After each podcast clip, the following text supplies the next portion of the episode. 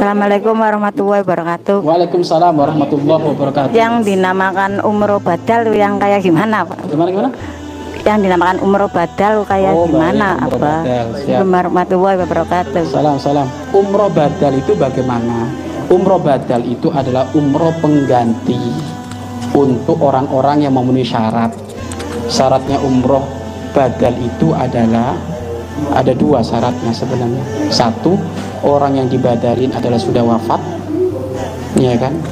Atau yang kedua adalah orang yang dibadalin itu adalah dalam kondisi sakit yang tidak sembuh, ya kan? Tidak bisa berangkat ke Mekah dan Madinah, maka boleh dibadali. Ibunda kita wafat, boleh kita badalkan beliau. Tapi satu umroh satu orang, jangan satu kampung, ya.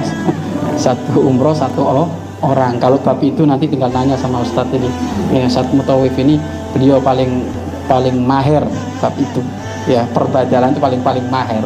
Lah ibu nanti ibu boleh nanti mungkin besok mau umroh lagi nih besok mau umroh lagi ya kan tinggal ibu nanti mau diniatkan untuk siapa oh barangkali diniatkan untuk bapak saya yang sudah wafat ya sudah. Nanti niatnya di tanim saya. Saya oh untuk ayahku yang sudah wafat namanya titik-titik karena Allah Ta'ala. Sudah cukup itu. Ya nanti pahalanya nyampe kepada beliau yang sudah wafat.